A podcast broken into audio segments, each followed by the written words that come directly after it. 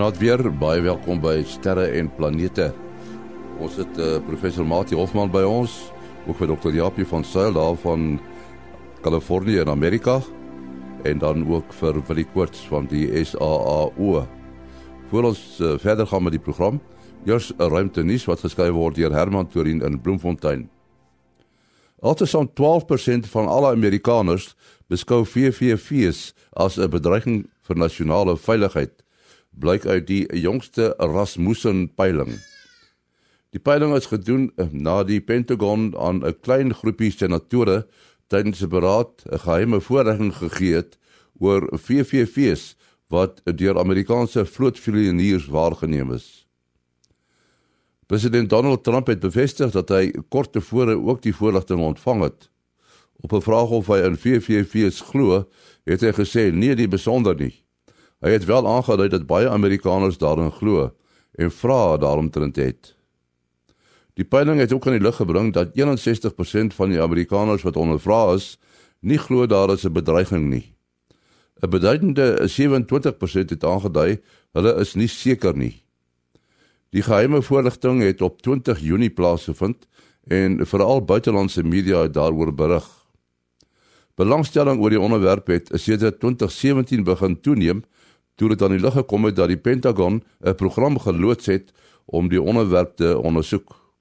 Destyds is onderhoude gevoer met 'n groot aantal mense wat daarop aanspraak gemaak het dat hulle hoogs gevorderde vleiende voorwerpe gesien het wat verklaarde militêre spergebiede binnengedring het en baie gekompliseerde manoeuvres uitgevoer het. Fotos is destyds van die voorwerpe geneem en die fotos het ook in die openbare media verskyn. Maanrots wat op die maan bymekaar gemaak is en dat die aarde teruggebring is, word beskou as die belangrikste taak wat deur die Apollo-sendings vermag is.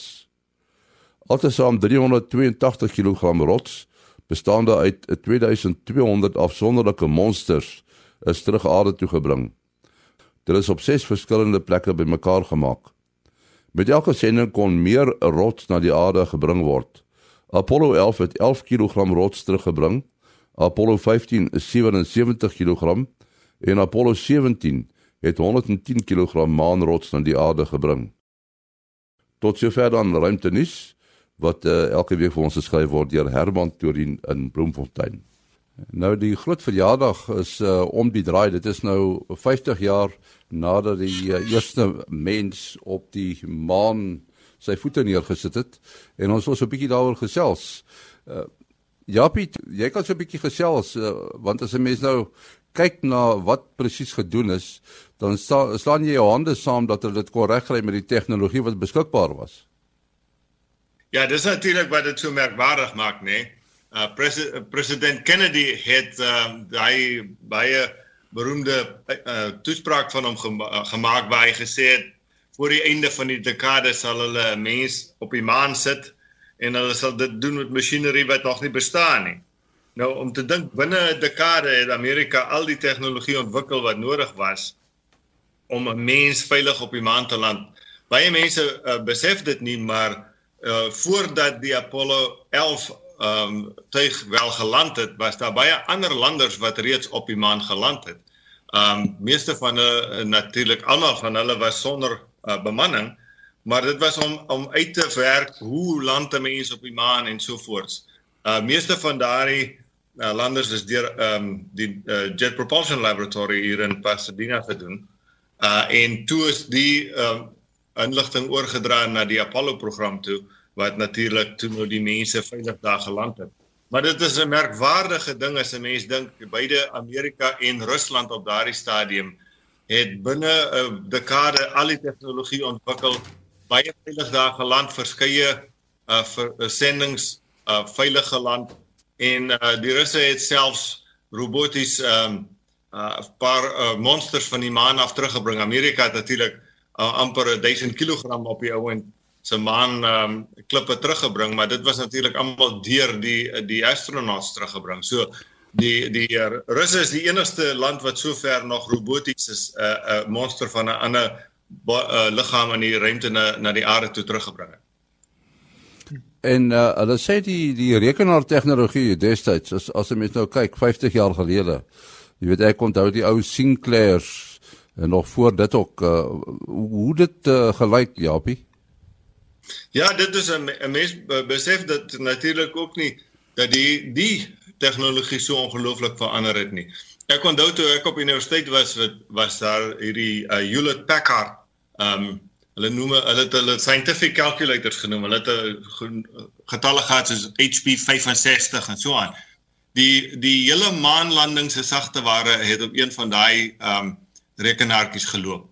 'n Ding wat jy in jou hand kon gehou het.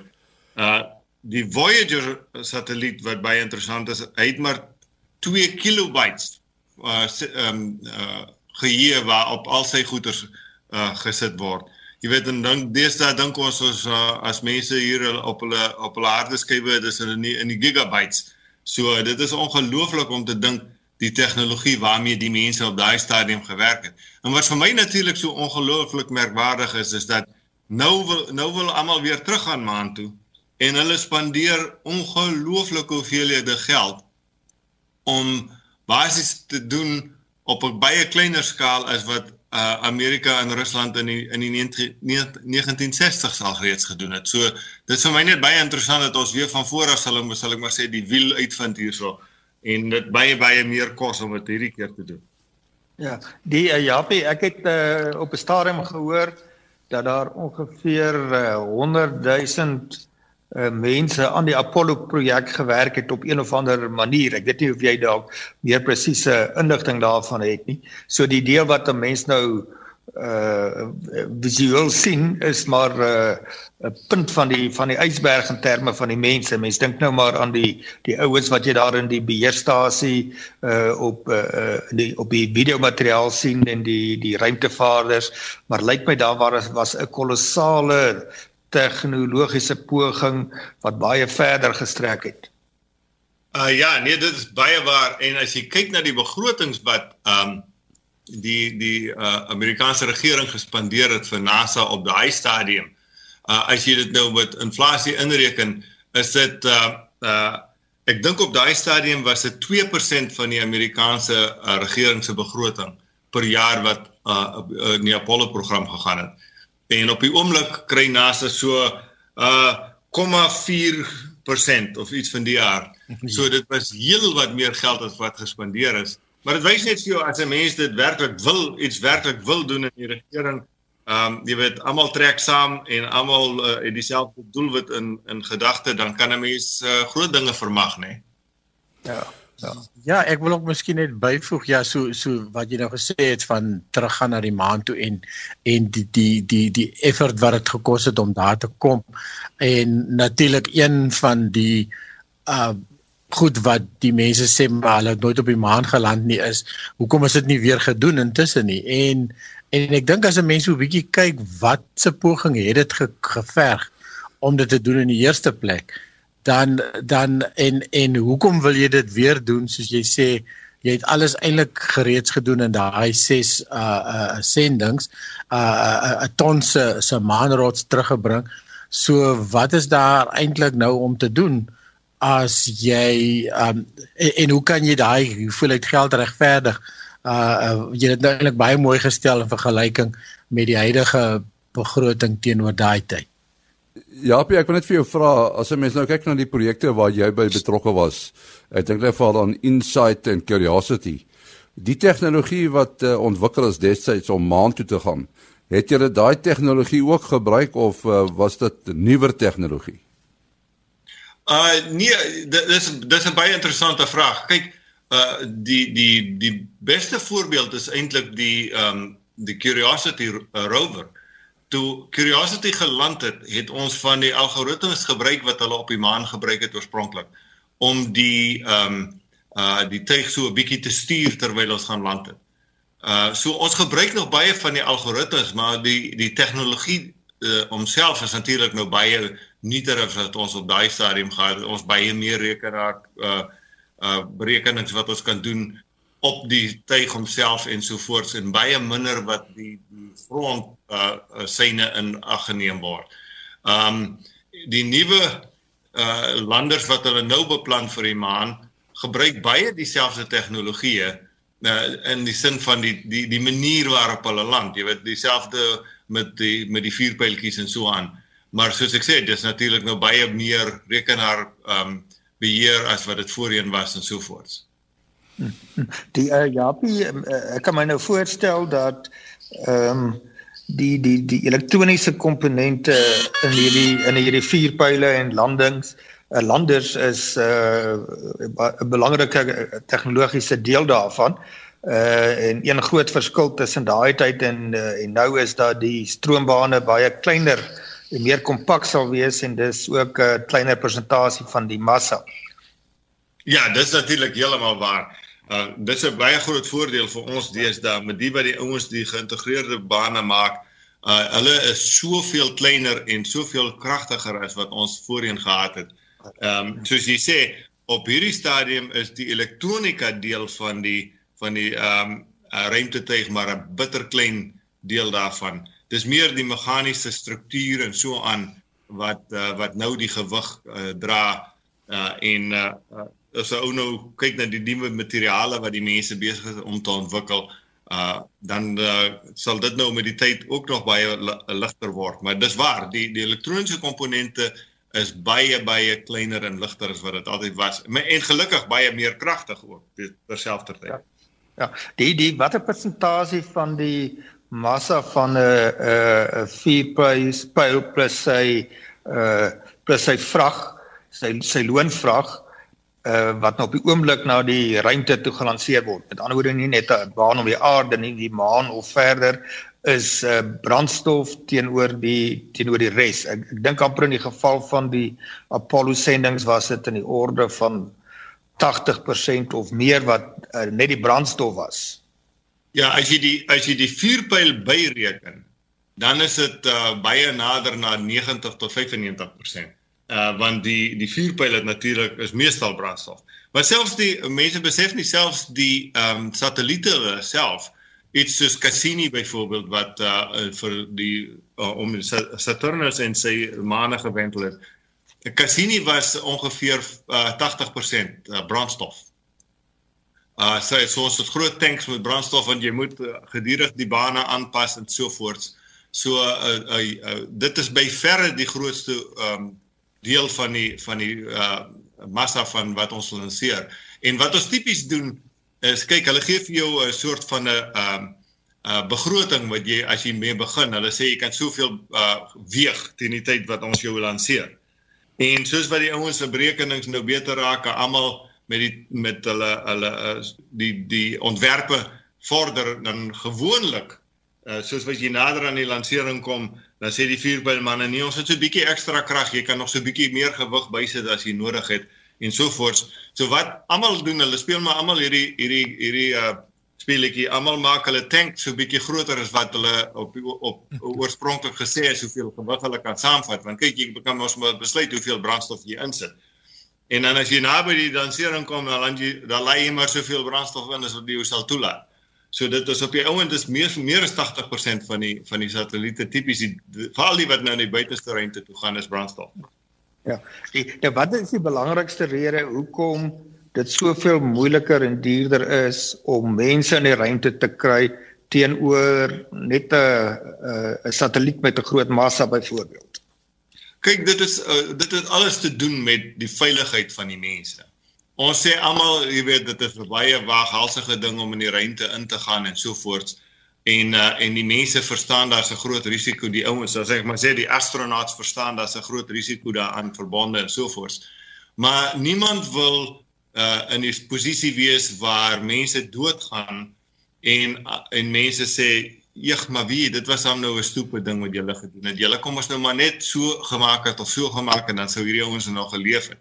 So almal dit is uh, as jy kyk selfs toe ons op die op die pendeltye oorspronklik ons radars gevlieg het. Uh daai tye meeste van die van die sal ek maar sê die uh vergaderings wat ons moes bygewoon het het te doen gehad met die veiligheid van die astronauts. Ons mag niks gedoen het wat hulle hulle veiligheid in gevaar sou gestel het en so voort nie. So dit het alles daarmee te doen. Uh as iets verkeerd gaan, dan moet daar genoeg suurstof wees. As dit dit verkeerd gaan, dan moet die ouens dit kan doen.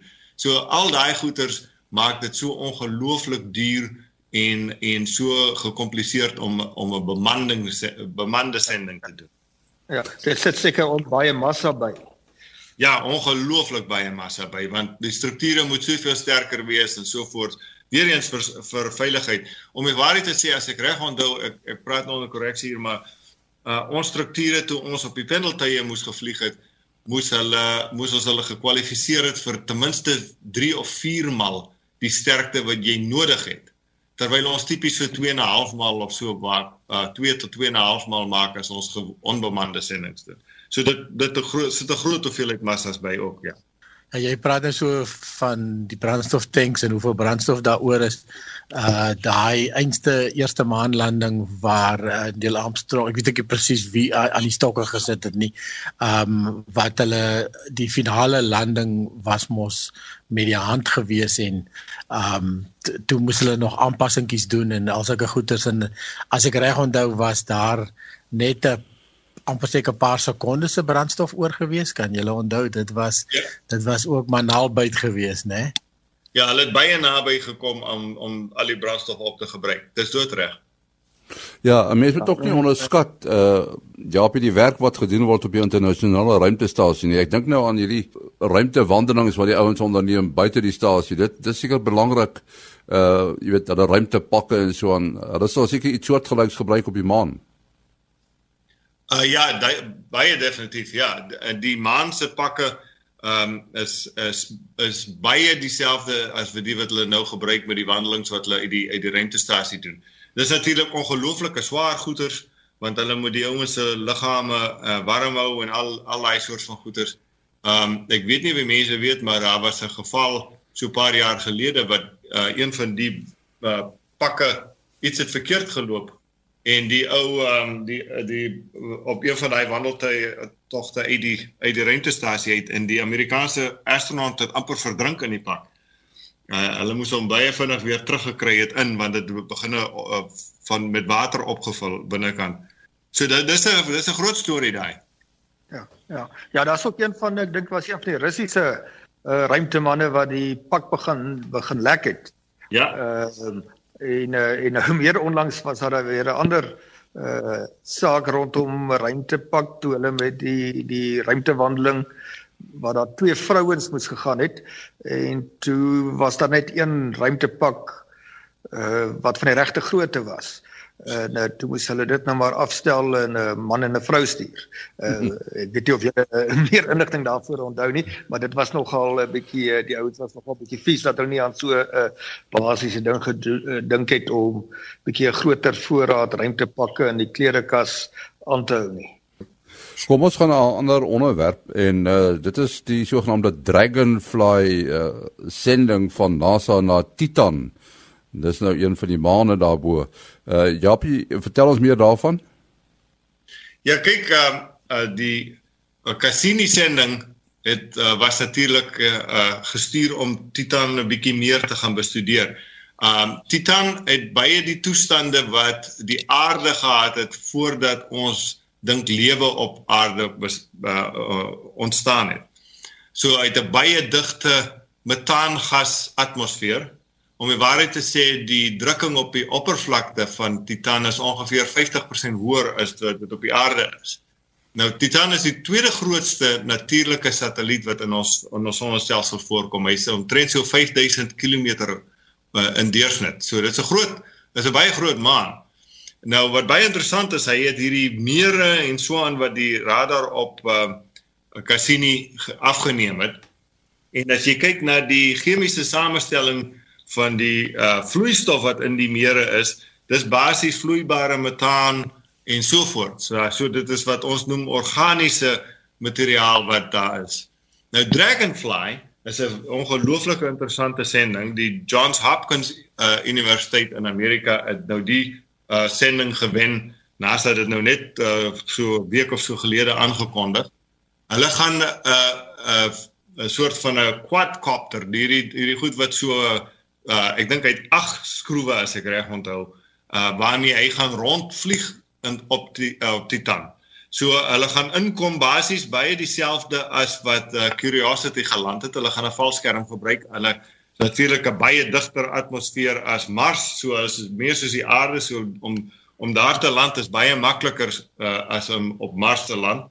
So hulle gaan die ehm um, die valskerm gebruik om hulle stadiger te laat gaan en dan in plaas van om die om die rover met kabels en so aan te laat sak gaan hierdie ding uit die uit die ehm um, sal ek maar sê die wat ons noem die back shell, die ding waar in die in die ding beskerm word op pad uh, Titan toe, gaan hy dan uitvlieg. Hy gaan uh, uitval en dan gaan sy skroewe aan aansit en dan gaan hy afvlieg na die oppervlakte van Titan toe. Hmm. En dan gaan hy daar land en uh, hy gaan metings doen en dan gaan hy weer vlieg na 'n volgende plek toe en land en so aan.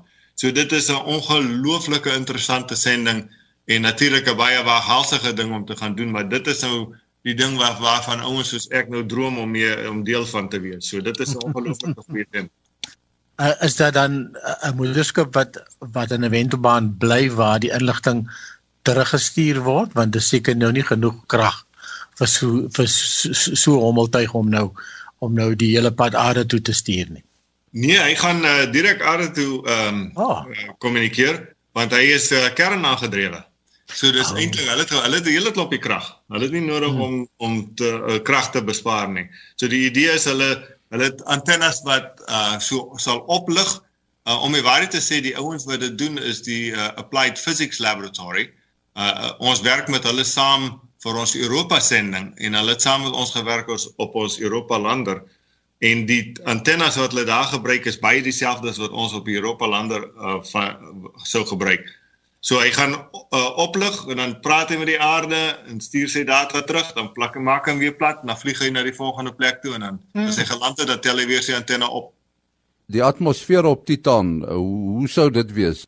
As 'n baie dik atmosfeer is meestal stikstof en metaangas en ehm uh, hy uh, die temperatuur op die oppervlakte is so minus 180 grade Celsius. So jy kan wow. dink 'n man het krag nodig om die om die elektronika en so aan warm te hou en dis waarom die ding uh die die tuigie gaan um, kern aangedrewe wees. Maar uh, daar is uh, ons weet dit dit vorm wolke, dit reën metaan, ehm um, reën so aan en dan vloei die vloeistof in in mere en so aan in. So jy kan nou dink hierdie dingetjie gaan natuurlik uh definitief naby een van hy mere land om te sien wat se uh, jy weet bietjie meer detail sal ek maar sê nie, te neem chemies om te sien waar wat is die bestanddele wat daar voorkom en so aan. Daar's natuurlik 'n uh, groot bespiegeling dat so 'n plek is die plek waar lewe wel kan ontstaan het. So uh is moontlik dat Titan op die oomblik uh die lewe kan uh, kan ondersteun. Ons weet natuurlik nie of daar enigs so iets is nie. Ja, uh, Japie wat ek nou opmerk as mens nou oor hierdie ruimtesendings gaan gaan lees is hoeveel interessante akronieme met elke nuwe sending uh ontstaan. Ek weet nie of daar nog 'n menslike aktiwiteit is wat soveel akronieme skep nie. Uh, die die sterrekundiges en ruimteingenieurs is nogal baie vindingryk, maar ek sien nou hier vir die Dragonfly, uh een van hierdie akronieme is VTOLs. Vertical takeoffs and landings.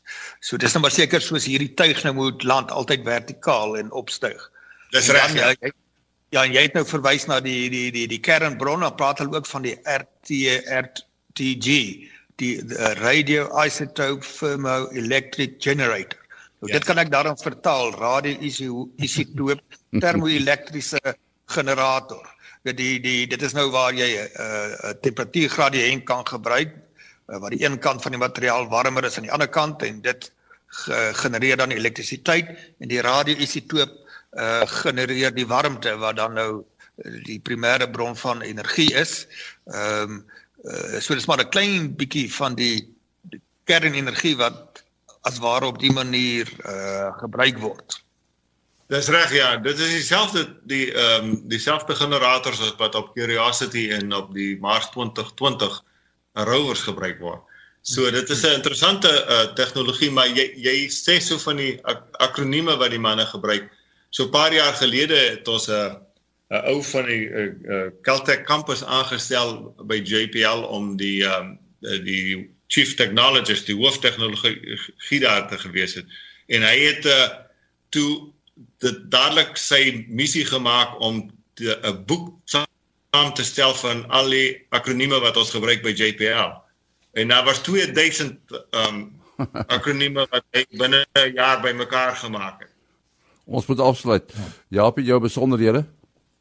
My e-posadres japijpl@gmail.com. japijpl@gmail.com. Willie? Uh 0724579208.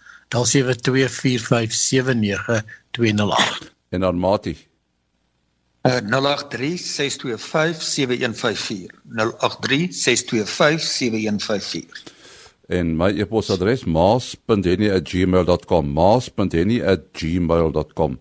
Stuur gerus u briewe na die adres en ek sal dit deurgee aan die span. Tot volgende week. Mooi loop.